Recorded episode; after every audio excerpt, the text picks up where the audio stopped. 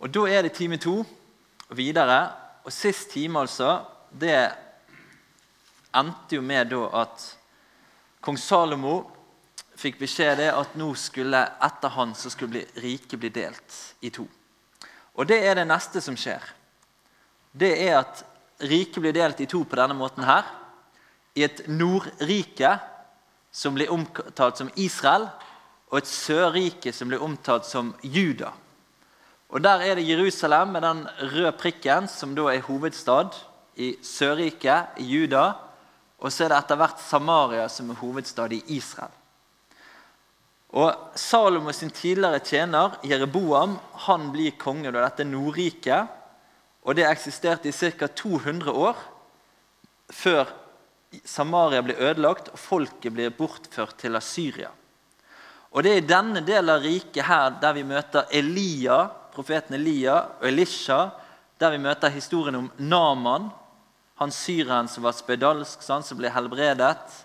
Og disse her spedalske som satt ved Samarias port, da er det jo rundt Samaria og i Nordriket. Og så er det I Sørriket da er det Salomo sin sønn Rehabeam som blir konge. Og Det riket eksisterte i ca. 340 år, før tempelet og Jerusalem ble ødelagt og folket ble bortført til Babylon. Og så bare et bilde av dette asyriske riket, som da overvinner Nordriket.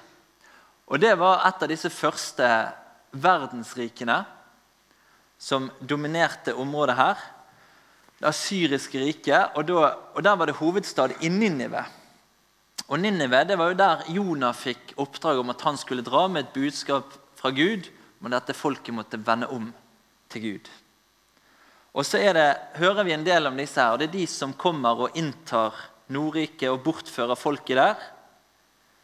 Og så er det senere, Da kommer det babylonske riket og overtar. Og så til slutt leser vi òg om det medopersiske riket, som var et enormt rike, som gikk helt bort til India. Og Det var på den tiden at jødene fikk komme tilbake til Jerusalem. Og Vi leser om Esra og Nehemja når de bygger opp igjen tempelet og Jerusalem. Så du har liksom sånne historiske storriker som, som kommer inn, som vi møter i bibelhistorien, og blir knyttet inn her. Eh, ja. Og så bare en oversikt. Og det er liksom bare en oppstilling av liksom kongerekkene da i, i denne tiden i de forskjellige rikene. Og da På den høyre siden da følger det liksom David nedover, og så går det i hans slekt nedover. Mens på den andre siden så bytter det litt. Familier, slekter. Og så kommer det nye inn som overtar. Og så helt til det blir stopp der, og de, det riket blir ødelagt. Og denne kongetiden, Jeg har sagt det allerede, at det går liksom fra der i første Samuels bok sånn at Når David, Saul først blir salvet til konge, det er liksom innledningen, det vi leste i starten av forrige time. Og så helt i slutten av krønikeboken, det er liksom avslutningen. og Det skal vi komme til i slutten av denne timen. Men det er liksom det som tar for seg denne tiden her.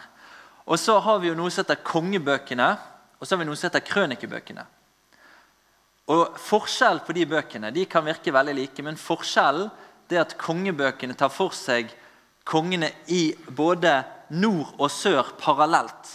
Så der kan du bli litt sånn svimmel når du leser. for da er liksom, Når den har vært konge så så lenge i Nordriket, så blir den og den konge der, og så går det sånn. Mens i krønikebøkene etter du har kommet deg over disse kapitlene med ettertavler, så er det litt lettere. For da tar de for seg kongene i Juda, i Sørriket.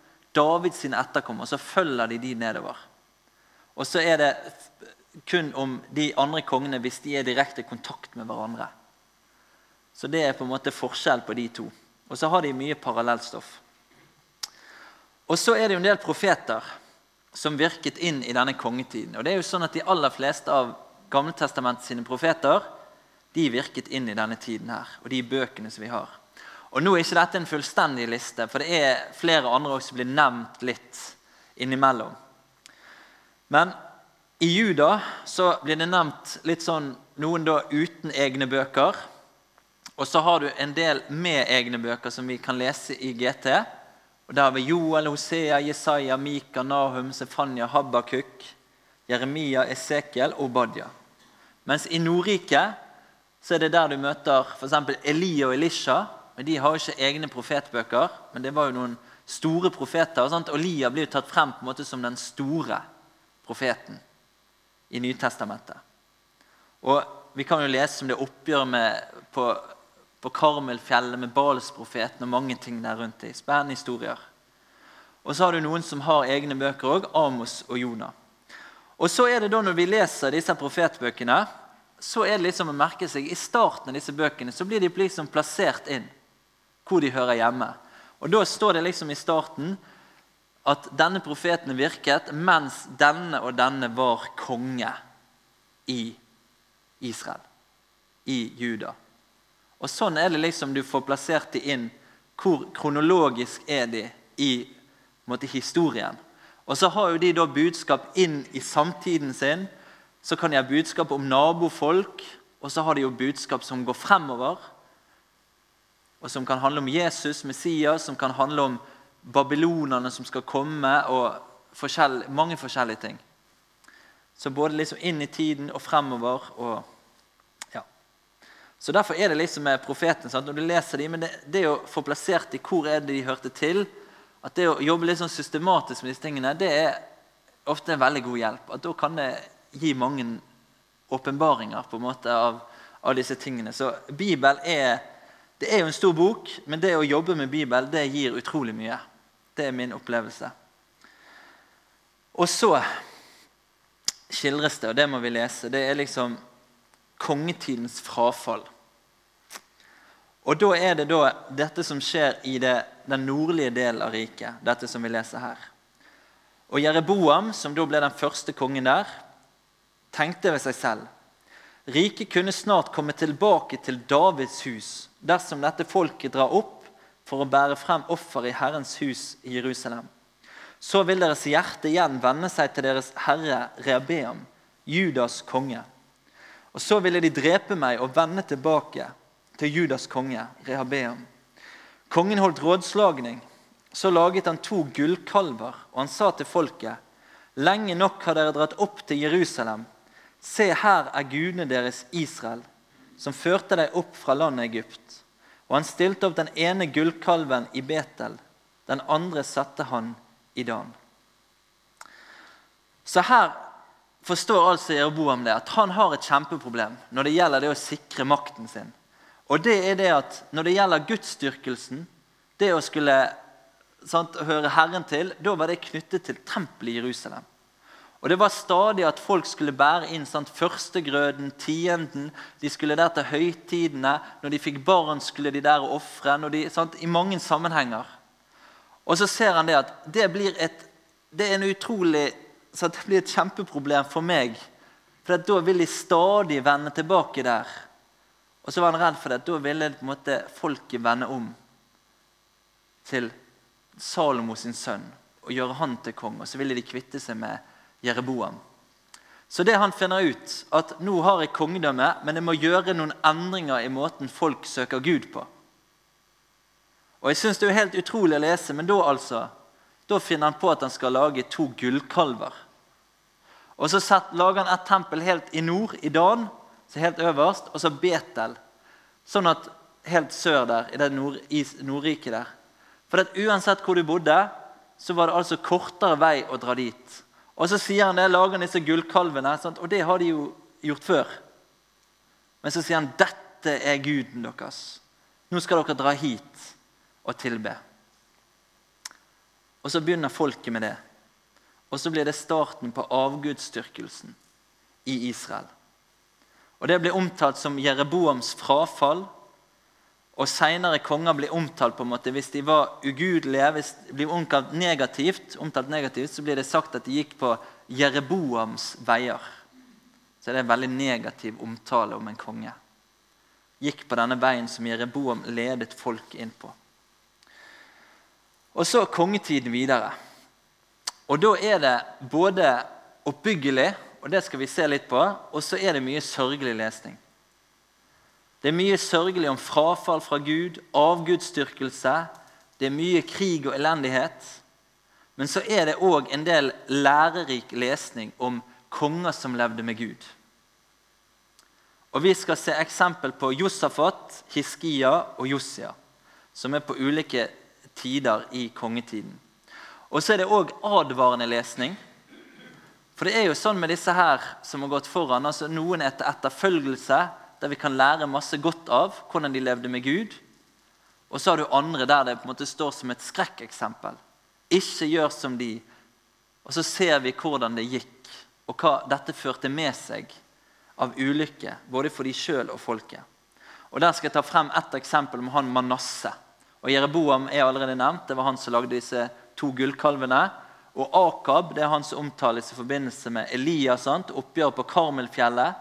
Da er det kong Akab som er konge, og balstyrkelsen er på en måte et maksimum. Og Elia lurer på det er jeg den eneste som er igjen, som ikke har bøyd kne for Bal. Og så sier Gud det til han, jo, det er flere. Du er ikke alene. Det var fortsatt mennesker igjen som levde med Gud, òg i det Nordriket. Og Så kan vi lese hvordan tempelet forfalt i perioder. Dette praktfulle tempelet som Salom hadde bygd, kledd med gull. Og så var levittene som hadde ansvar for å tjene med tempelet. Så lenge folket bar inn førstegrøden og tienden, så kunne de tjene ved helligdommen på vegne av alt folket. Men så er det en veldig klar sammenheng i kongetiden at når hjertene til folket begynte å bli opptatt med avguder, og at dette fikk rom, da var de ikke så opptatt med dette som hadde med Herren å gjøre. Da sluttet de å bære inn førstegrøden, da sluttet de å komme med tiende. Og så måtte disse levittene, som hadde en sånn ordning at de tjente ved tempelet på skift, for de bodde i ulike landsbyer, egentlig, og så dro de inn liksom på skift. Da fikk, hadde ikke de noe å leve av, så måtte de bare dra hjem. Og så bare stoppet opp. Og Sånn var det flere ganger gjennom denne tiden. Men så reiste Gud opp konger som tok, tok, dette, tok tak i dette, og så kom de i stand igjen og restaurerte de tempelet. Og sånn gikk det liksom litt frem og tilbake gjennom denne tiden her. Men en gjenganger og noe vi på en måte møter hele veien gjennom disse profetbøkene vi har, det er det at det er et kall fra Gud om å vende om til Han. Og Her er eksempler på det fra noen av profetene. Fra Jesaja. Rens dere, vask dere. Ta deres onde gjerninger bort fra mine øyne. Hold opp med å gjøre det som er ondt. Kom og la oss gå i rette med hverandre, sier Herren. Om deres synder er som purpur, skal de bli hvite som snø. Om de er røde som skarlagen, skal de bli som den hvite ull. Og Jeremia, vend tilbake, Israel, du frafalne, sier Herren. Jeg vil ikke se på dere i vrede, for jeg er nådig, sier Herren. Jeg vil ikke være vred til evig tid. Bare erkjenn din misgjerning, at du er falt fra Herren din Gud. På forskjellige veier løp du om til de fremmede guder og på min røst har dere ikke hørt, sier Herren. Og Joel, men selv nå, sier Herren, vend om til meg av hele deres hjerte, med faste og gråt og klage. Riv hjertet i stykker, ikke klærne. Vend om til Herren deres Gud, for Han er nådig og barmhjertig, langmodig og rik på miskunn, og han angrer det onde. Og Det som jeg syns kommer så tydelig frem her, det er jo Guds hjerte for dette folket. Dette folket som han hadde skilt ut, som han hadde valgt ut, som han hadde frelst ut av Egypt. Som han hadde gitt manna gjennom ørkenen, som han hadde ledet inn i landet. Og så responderer de hele veien med å vende han ryggen. Og så sender han profet etter profet. Vend om til meg. Bare erkjenn om syndene som purpur, så skal de bli hvite som snø. Kom til meg. Og sånn går det gjennom kongetiden. Og så er det da perioder der folket vender om. Og i, Mens kong Josafat var konge, så var det en sånn fornyelse i Israel. Og han levde med Gud, og vi kan lese om han i 2. krønikebok 17-20 og første kongebok. Og Det står hvordan han levde med Gud og tok et oppgjør med avgudsdyrkelsen i landet. Så står det sånn Hans mot vokste mens han gikk fram på Herrens veier. Han fikk også bort offerhaugene og startebildene. i Juda. For det var liksom sånn at Tempelet var én ting, men så var det begynt å bygge sånne offerhauger rundt omkring i landsbyene rundt omkring. Men dette var han, tok han tak i og fikk ryddet vekk. Og I sitt tredje regjeringsår sendte han ut høvdinger, levitter og to prester. De lærte i Juda hadde, hadde Herrens lovbok med seg. De dro omkring i alle Judas byer og lærte folket. Og Det syns jeg òg er litt stilig. Sant? Her En konge som levde med Gud, og så skjønte han at folket må læres opp. Og så sender han egentlig ut emissærer for å, da, å lære opp folk og lære dem hvordan de skal leve med Gud. Undervise dem. Og Så kan vi lese en episode at han inngår forbund eller samarbeid med den ugudelige kongen Akab. Og Det var som nevnt han som var kongen, og Elia var profet. Og du hadde denne Baal-styrkelsen. Men da går de sammen og skal krige sammen, og så refser Gud ham for dette etterpå. At dette skulle han ikke gjort. Dette skulle han spurt Gud om. Og Gud hadde sagt nei. At dette var ikke noe han skulle gjøre. Ha noe med Akab å gjøre og den ugudeligheten som han sto for. Men så står det sånn at etter han ble refset av Gud, så var det ikke sånn at han sendte ut andre. Men da fikk han en sånn nød for dette her at han drar sjøl ut. Kongen drar sjøl ut blant folket sitt for å føre dem tilbake til Herren, deres fedres Gud. Så dette var virkelig en, en konge som hadde møtt Gud, og som var opptatt av det som hadde med Gud å gjøre. Og så kommer det der at det virkelig kommer en prøvelse i denne tiden her. Og det er det at det er en stor hær som truer Jerusalem og Juda. Og Den besto av tre forskjellige folk som hadde slått seg sammen. Moabittene, ammonittene og en del av meunittene, står det. Og Det var liksom tre folk som nå hadde slått seg sammen, for nå skulle de ta knekken da på Josafat og Juda. Og så får Josafat melding om dette her. Og så synes jeg det er veldig flott å lese hvordan responderer han på dette. Denne nyheten om disse kongene, denne enorme hæren som kommer mot ham. Han vendte seg i bønn til Herren og lyste ut en faste over hele Juda. Og Juda samlet seg for å søke hjelp hos Herren. Ja, fra alle Judas byer kom de for å søke hjelp Herren. Så det var på en måte responsen når en sånn ytre fare truer. Det første han gjør, det er å kalle til bønnemøte. At nå må vi søke Gud. Og at i møte med dette her, så har ikke vi sjans. På stridens dag så hadde han en erkjennelse av at vi kan ikke stå imot denne store hæren i oss sjøl. Og så roper de til Gud, og så taler Gud. Og så sier han det Frykt ikke. Dere skal bare stille opp og se min frelse. Og så tar Josefat Gud på ordet. Dette er talt gjennom en levitt som Gud talte gjennom. Og så taler Josefat til folket og setter mot til dem. Og så sier han tro på Gud, tro på profetene. Dette som Gud nå har talt. Og så sendte han syngende sanger, sangere foran hæren sin, som lovpriste Gud. Så gikk de liksom først, en sånn lovprisningsflokk. Og så kom hæren etterpå. Og så sørget Gud for seier. Og det som skjedde, det var at når de kom der som disse hadde samlet seg, så hadde det skjedd at Gud hadde liksom grepet inn der, sånn at disse tre gruppene hadde begynt å slåss mot hverandre. Og når de kom der, så hadde hele denne hæren utslettet seg sjøl. Og så var det det de så. Hele faren var borte. Og så blir den dalen kalt etterpå for lovprisningsdalen. Lovprisningsdalen. Så ble det seier. Men den måten, møte faren på, møte det som truet, med å søke Gud først. Det er noe vi kan lære av. Å søke Han i når vi kommer i vanskeligheter, og rope på Han. Og så den neste kongen. Det er kong Hiskia. Og han er omtalt disse plassene andre krønikebok og andre kongebok. Og han blir konge åtte slektsledd etter Josafat. Og åtte slektsledd er jo en del. og Hvis du liksom skal tenke åtte slektsledd tilbake, så er det jo tipp, tipp, tipp, tipp, tipp. Ja. Så det har gått en del tid. Plus, men de levde kanskje ikke så lenge som en del av disse her, men, men det har gått lang tid.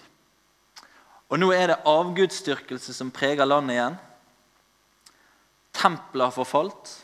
Portene er stengt til tempelet. Tempeltjenesten har stoppet opp. Og folk hadde vendt Gud ryggen. Og så står det om Hiskia.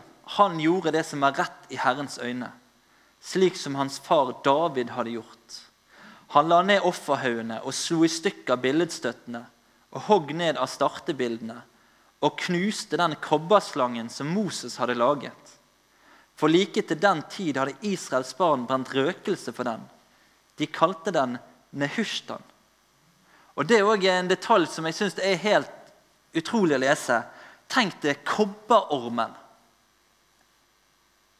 i ørkenen. Den som Jesus i Johannes 3 knytter til seg sjøl som et forbilde. Like som Moses opphøyet slangen i ørkenen, slik skal menneskesønnen bli opphøyet. Og så kommer Johannes 3, 16. Men denne kobberormen, altså, som bare var et middel, den har nå blitt, fått et navn, og helt fra den tid, gjennom århundrene, så har de altså brent røkelse for den og dyrket den. Og En lærdom som jeg tenker ligger det, det er hvor nært det er for oss mennesker å bli opptatt med det synlige. Og Et eksempel kan, for være, kan for være eller bli opptatt av middelet. F.eks. med dåpen. Så kan vi bli så opptatt med dåpen i seg sjøl at vi glemmer hvem vi er døpt til. Døpt til Kristus, til Jesus. Eller troen. Det er ikke noe sånn synlig, det, men vi kan bli så opptatt med troen i seg sjøl at måtte fokuset gå vekk fra Han som er troens opphavsmann og fullender. Og så blir det sånn navlebeskuende, på en måte. Og så kommer vi på en måte bort fra den som troen er rettet på. Og så er det jo der det som er troens kilde. Og Sånn tror jeg det er lett i mange sammenhenger for oss mennesker så blir vi på en måte det. Og det hadde de blitt her. Det som bare var et middel. Se opp på den, så skal dere få leve. Få Guds frelse inn der i ørkenen. Og så blir det liksom noe spesielt med den kobberslangen. Mens nå er det altså en konge som ser dette, og ser hvor galt dette har blitt, og så ødelegger han den. Og det må jo ha vært litt spesielt òg, etter alle de århundrene siden Moses. Og her knuser han ham og sier at dette er avgudsdyrkelse. Dette fører feil av sted. Og så går Hiskia i gang med å, med å, eh, sette, å rense tempelet og sette det i stand igjen. Og så blir levittene gjeninnsatt i tjeneste, og ofringen i tempelet blir gjenopptatt. Og så vil han samle hele Israel både Juda og Israel, altså Nordriket og Sørriket, til påskefeiring i Jerusalem. Og sendte bud til de i Nordriket som ikke hadde blitt bortført til Asyria. For det var akkurat på denne tiden her at asyrerne hadde inntatt Samaria, ødelagt det riket og bortført folket. Det var da òg Hiskia var konge i sør. og Det skal vi se på neste slide. Hvordan asyrerne òg truer Jerusalem og Hiskia. Men da sender han altså bud ut til disse. Nå vil han samle til stor påskefeiring. Og ikke bare for Juda, men for hele israelsfolket. Alle som er igjen. Og så står det at ildbudene dro omkring fra by til by i Efrems og Manasses land og helt til Sebulon. Men folk bare lo av dem og spottet dem. Det var bare noen få i Asher og Manasse og Sebulon som ydmyket seg og kom til Jerusalem. Men det var noen. Og det var stor glede i Jerusalem, for siden Israels konge Salomos, Davids sønns dager, hadde det ikke hendt noe slikt i Jerusalem. Så nå ble det en påskefeiring som, som ikke hadde vært siden den gang. Så lang tid hadde gått. Og så feiret de påske. Slaktet påskelam og alt det som det peker frem mot. Og så var det disse asyrerne som nå hadde ødelagt norddelen av. Nå truer de òg Jerusalem. Og nå kommer kongen i Asyria med en stor hær. 185 000 mann. Og så kommer han, og så sender de et brev. Så har de omringet Jerusalem. Så sender de et brev til Iskia, og det er mange ting fra historien der. eller liksom her som vi kunne tatt frem. Men de sender et brev til han, der de håner Israels Gud og det at dette folket stoler på Herren. Og Så står det et vers i kapittel 32 og vers 19 at det de gjorde feil, det var at de talte om Jerusalems Gud på samme måte som folkenes guder på jorden, de som er et verk av menneskehender. Det var sånn de òg omtalte Israels Gud. Som om han var det samme som disse og Det er jo det argumentasjonen de bruker. Det er jo ingen andre av folkene sine guder som har klart å hjelpe dem mot oss. Hva er det dere tror? At denne guden deres skal liksom beskytte deres? Og så tale, får de liksom sagt til folket liksom, dere må ikke stole på Iskia det han sier. Det er bare tull. Dere har ikke mulighet. Og så får han et brev. Og så står det at da Hiskia hadde mottatt brevet av sendebuden og lest det, gikk han opp til Herrens hus. Der bredte Hiskia brevet ut for Herrens åsyn. Og så blir det liksom Her, Herre. Og det er sant, vi har ingenting å stille opp med, men du, du kan. Og så kan vi lese hvordan Hiskia lovpriser Gud. Og så er det også i denne sammenhengen her at vi kan lese om Jesaja. Jesaja var profet her og støttet Hiskia. Og dette med denne, denne Når asyrerne kommer, det kan du også lese om i Jesajas bok, i kapittel 36-38. Så gjenfortelles det samme, for Jesaja var der sammen med han. Og så står det da at Etter de da hadde lagt dette frem for Herren, så står det at i samme natt skjedde det at Herrens engel gikk ut og slo 185 000 mann i asyrernes leir. Og når de sto opp om morgenen, de som var igjen og levde, så så de at her var hæren slettet ut. Og så dro de hjem, han kongen. Og så ble det ingen invasjon. Og så var det noen profeter som, som talte inn i denne tiden her. Og Mika, det har vi aldri vært innenfor, men der blir Messias knyttet til Betlehem. Han skal fødes i Betlehem. Og Det er jo bakgrunnen for sånn når disse her eh, Herodes spør de skriftlærde av disse vismennene som kom. Sant? Det er født en konge. Så spør han hvor skal Messias bli født. Jo, i Betlehem. Hvorfor det? Jo, det er profetert. Det er der han skal bli født. Og fra Jesaja, og Her er det mange flere ting i Jesaja enn det jeg tar opp her. Men Jesaja, som da er direkte inn i denne tiden med Iskia, han profeterer det at Messias skal bli født av en jomfru. Det skal bli født et barn som har herredømme på sine skuldre, som er Gud, som er fredsfyrste. At her er det en stedfortreder som dør for folket. Det blir profetert at Messias skal være, og, skal være som et lys og frelse òg for hedningene. Det blir profetert at hedningene skal søke til Isais rotskudd. Og hvem var Isai? Jo, det var faren til David. Isais rotskudd det er en betegnelse på Jesus. Og det blir profetert. Hedningefolkene, altså alle ikke-jøder, skal en dag søke til Jesus. Sånn som vi har gjort. Og Messias han skal åpne blindes øyne. Han skal gi døve hørsel igjen. Han skal helbrede lamme og stumme, profeteres det. Og I Matteus 11 så sitter døperen Johannes i fengsel. Og Han sender disiplene sine for å spørre Jesus er du den som skal komme, eller skal vi vente en annen. Og Så kommer de til Jesus, og hva svarer Jesus da? Da sier han til dem dere skal gå tilbake til Johannes, og så skal dere vitne om det dere ser, og det dere har hørt. At lammet går, at blinde får synet tilbake, at døve hører, og at evangeliet forkynnes for de fattige. Og så er det akkurat det. sant? I møte med Johannes. Og så kan det jo være litt sånn hva var det jeg, Hvordan døperen Johannes hadde opplevd så mye som hadde på en måte hadde sett duen komme nedover Jesus, handlet dette om at han kom i tvil? I anfektelse der han satt i fengselet? Eller handlet om at, han, at dette, dette krasjet med hans Messias-forventning? Som en konge som skulle til frem? Kanskje litt av begge deler. Jeg er litt usikker på akkurat hva som blir rette, men, men han, han, spør. Og det Jesus svarer med, det er at, å rette han til fokuset hans mot Skriftene. Hva som skjer? Jo, jo, det er de messianske gjerningene som, blir, som skjer. Det er det som skjer nå. Det er profetert om, det går oppfyllelse. Det er det du skal se på nå, Johannes, og stole på. Og så en av disse ugudelige kongene, og det var kong Manasseh. Og I den forbindelse så er det noe er det noe veldig merkelig der også, å lese. Og det er det at Han var barn av Hiskia, som vi leste om i sted. Hiskia som gjorde så mye godt, og som var en så god konge. Og Manasseh han blir konge som tolvåring. Og han er den mest ugudelige av alle kongene i Juda.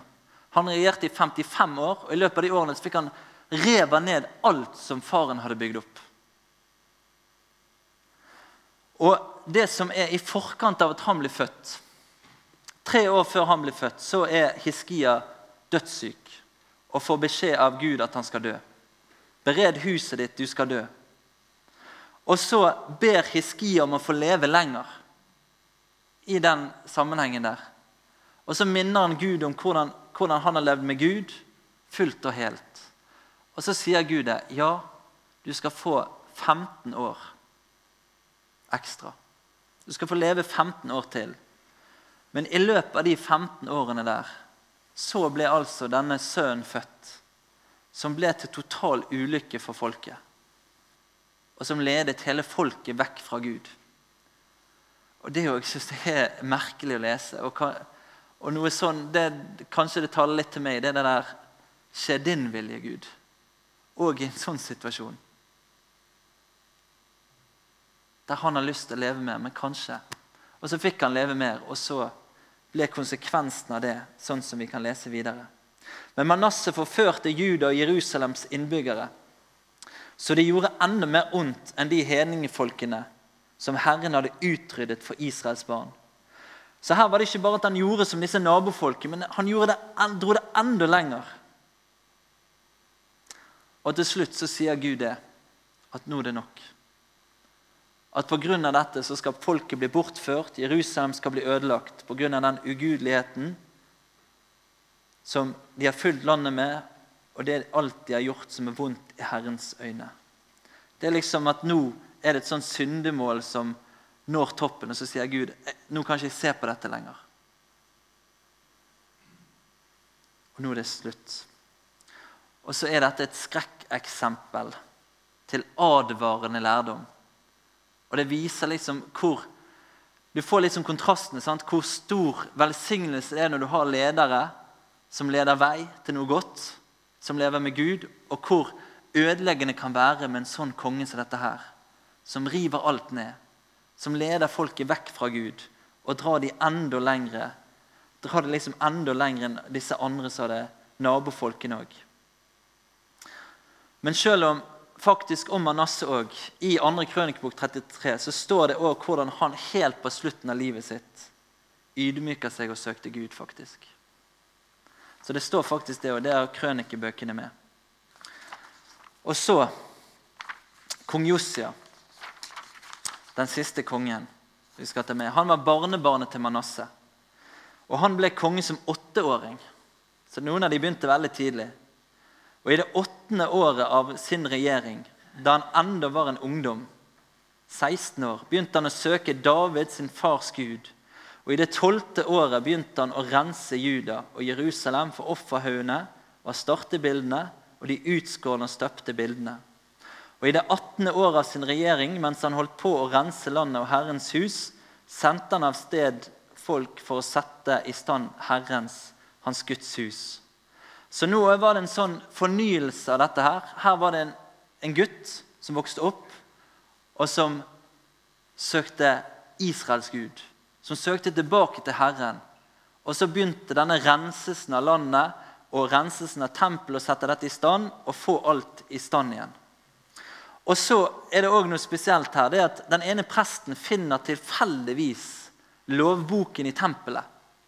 Altså så, Her går de og rydder i tempelet, og så plutselig så finner de liksom lovboken. Moseloven.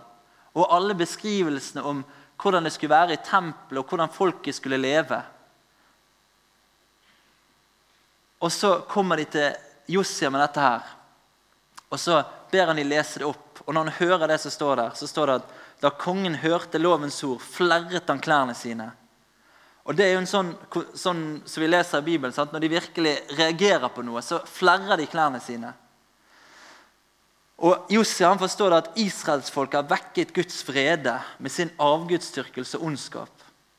Og Så sender han tjenerne sine for å høre med en profetinne som heter Hulda. Hva, hva, skal tenke, hva, skal vi tenke, om dette her, som vi har lest som vi har hørt nå? Og Så sier han, så sier Herren, se, jeg fører ulykke over dette stedet og dens innbyggere. Alle de forbannelsene som er skrevet i denne boken, de har lest for Judas konge, fordi de har forlatt meg og brent røkelse for andre guder, for å vekke min harme med sine henders gjerninger. Min vrede skal utøses over dette stedet, og den skal ikke slokkes. Det var budskapet han fikk, at dette har gått for langt og det er fast bestemt. Ingen vei tilbake. Men Josia han får beskjed av Herren fordi ditt hjerte ble mykt, og de ydmykte deg for Guds åsyn. Dine øyne skal ikke se all den ulykken jeg vil føre over dette stedet og dets innbyggere. Med dette svaret vendte de tilbake til kongen. Og så samler Jossia hele folket. Selv om han har hørt dette, men så innvier han de til Herren og så levde folket med Herren så lenge Jossia levde. Og så ble tempelet satt i stand igjen, og levitten og prestene ble gjeninnsatt i tjeneste. Folket ga inn tienden, ga inn førstegrønn og alt det som skulle til for å holde tempeltjenesten i gang. Og så slaktet de påskelammet og feiret påske på nytt. Så mange år siden sist. Og så står det at en påske som denne var ikke blitt holdt i Israel siden Samuels dager. Og Den forrige påsken under Hiskia, så ble det sagt at sånt har ikke vært feiret siden Salomo var konge. Men dette er jo enda lenger tilbake, når Samuel var profet. Så på en måte enda dypere, liksom, enda mer grundig påskefeiring. Sånn som dette har ikke blitt holdt. Og så står det, kan vi lese videre hvordan etter Josia så var det fire konger som alle var ugudelige. Og så noen profetier om Messias fra denne tiden her, fra Esekiel, som var da profet inn i denne tiden. Jeg vil oppreise og litt den når de begynte å bli bortført. Jeg vil oppreise en hyrde over dem, og han skal røkte dem. Min tjener David, han skal røkte dem. Han skal være deres hyrde, og jeg, Herren, vil være deres Gud. Og min tjener David skal være fyrste blant dem. Jeg, Herren, har talt. Og så fra vers kapittel 37.: Min tjener David skal være konge over dem, og en hyrde skal det være for dem alle. Mine lover skal de følge, og mine bud skal de holde, og leve etter dem. Og Det er jo da talt inn i en tid der alt er mørkt. Og Esekiel han jo, sant, ble jo bortført og var liksom i denne tiden da når de når Israel ble lagt i ruiner. Sant? Og så taler Gud er at ja, men løftet står fast. Taler det inn i denne mørke tiden at en dag skal dette skje. Og så står det en tekst i 2. krønikebok 36. Og Den tror jeg vi tar oss tid til å lese, opp, lese her på, på tampen. Og Den står som en oppsummering av denne kongetiden. Kapittel 36, det siste kapittelet i andre krønikebok, som er liksom helt da i slutten av denne tiden. Og Da står det fra vers 15. Herrens, deres fedres Gud, sendte sine ord til dem ved sine sendebud tidlig og sent. For han hadde medynk med sitt folk og over sin bolig. Men de spottet Guds sendebud og foraktet hans ord og hånte hans profeter. Inntil Herrens frede mot sitt folk ble så sterk at det ikke lenger var noen legedom. Da lot han kaldeernes konge dra opp mot dem, og han drepte deres unge menn med sverd i deres hellige hus, og sparte verken unggutter eller jomfruer eller gamle eller grå, og gråhårede. Alle ga han i hans hånd. Alle karene i Guds hus, både store og små, og skattene i Herrens hus, både kongens og høvdingens. Alt førte han til Babel. De brente opp Guds hus og rev ned Jerusalems mur. Alle dets palasser brente de opp med ild, og alle de kostbare karene ble ødelagt. De som slapp unna sverdet, førte han som fanger til Babel. De ble treller for ham og hans sønner, helt til Perserriket fikk makten. Dette skjedde for at Herrens ord i Jeremias munn skulle bli oppfylt. Til landet hadde godtgjort sine sabbatsår. Alle de dagene det lå øde, hadde det hvile, til 70 år var gått til ende. Så her kommer liksom oppsummering hvordan da Herren har sendt sine profeter tidlig og seint med et budskap om at folk må vende om. Han ønsker å rense dem, han ønsker å tilgi, slette ut. Og så responderer de med å håne profeten hans, forakte sendebudene hans. Og så vokser på en måte dette. Og til slutt, sant? og samtidig der de, venn, de bygger opp avgudsdyrkelsen, og så bare bygger dette seg opp til der Gud sier at nå er det nok. Og så kommer babylonerne. Og så bortføres folket, og så legges Jerusalem og tempelet i ruiner. Og så avsluttes da kongetiden med det. Og nå er jo hele Israel og Sørriket er fullstendig ødelagt. Og dette er den mørkeste tiden av israelsfolkets historie. Men inn i denne tiden òg så taler Gud gjennom Esekiel, som vi leste i sted. Så taler han gjennom Jeremia, og da har han et budskap til dette folket som er bortført. Og det er når 70 år er gått for Babel, vil jeg se til dere og oppfylle for dere mitt gode ord. At jeg vil føre dere tilbake til dette stedet. For jeg vet de tanker jeg tenker om dere, sier Herren det er fredstanker og ikke tanker til ulykke. Og jeg, jeg vil gi dere framtid og håp. Og Det er jo et flott bibelvers som, som vi mange ganger deler med hverandre. Og så er det interessant å se hva sammenheng dette er talt inn i. Og det er jo egentlig talt inn i en sammenheng der det er helt mørkt. Men så sier Gud at ennå er det håp og jeg har fredstanker for dere. Det er en fremtid for dere. Og Så kan vi lese da i Esra Nehemja hvordan etter 70 år så vekker Gud en sånn tanke i perserkongen Kyros ånd at han skal, vek, at han kan bygge opp igjen tempelet i Jerusalem. Gud sørger for det at det går i oppfyllelse, dette løftet som han gikk, ga. Så fikk de komme tilbake, bygge opp igjen. Nehemja bygge opp igjen murene. Og så går det 400 år fra siste side i GT til Jesus kommer. Men siste sliden, og det var òg det som på en måte var fokuset Kongene og den evige kongen. For nå har vi hatt for oss en del av disse kongene i denne tiden. De menneskelige kongene. Etterkommerne etter David. De sviktet alle. Til og med de beste av dem. De var mennesker. De var syndige mennesker. De hadde sitt, sin falne natur. Og selv om noen var gode, så var alle ufullkomne. Men fra kong David og 600 år fremover Gjennom hele den tiden så profeteres det om den evige kongen. Davids sønn, Messias, skal tre frem og være konge over et evig rike. Og så kan vi lese i Nytestamentet sant? og sett glimt av det, og dere kjenner til det, hvordan han steg inn i vår verden. Som en oppfyllelse av dette. Og da kom han første gang. Og så kan vi lese hvordan han skal komme igjen.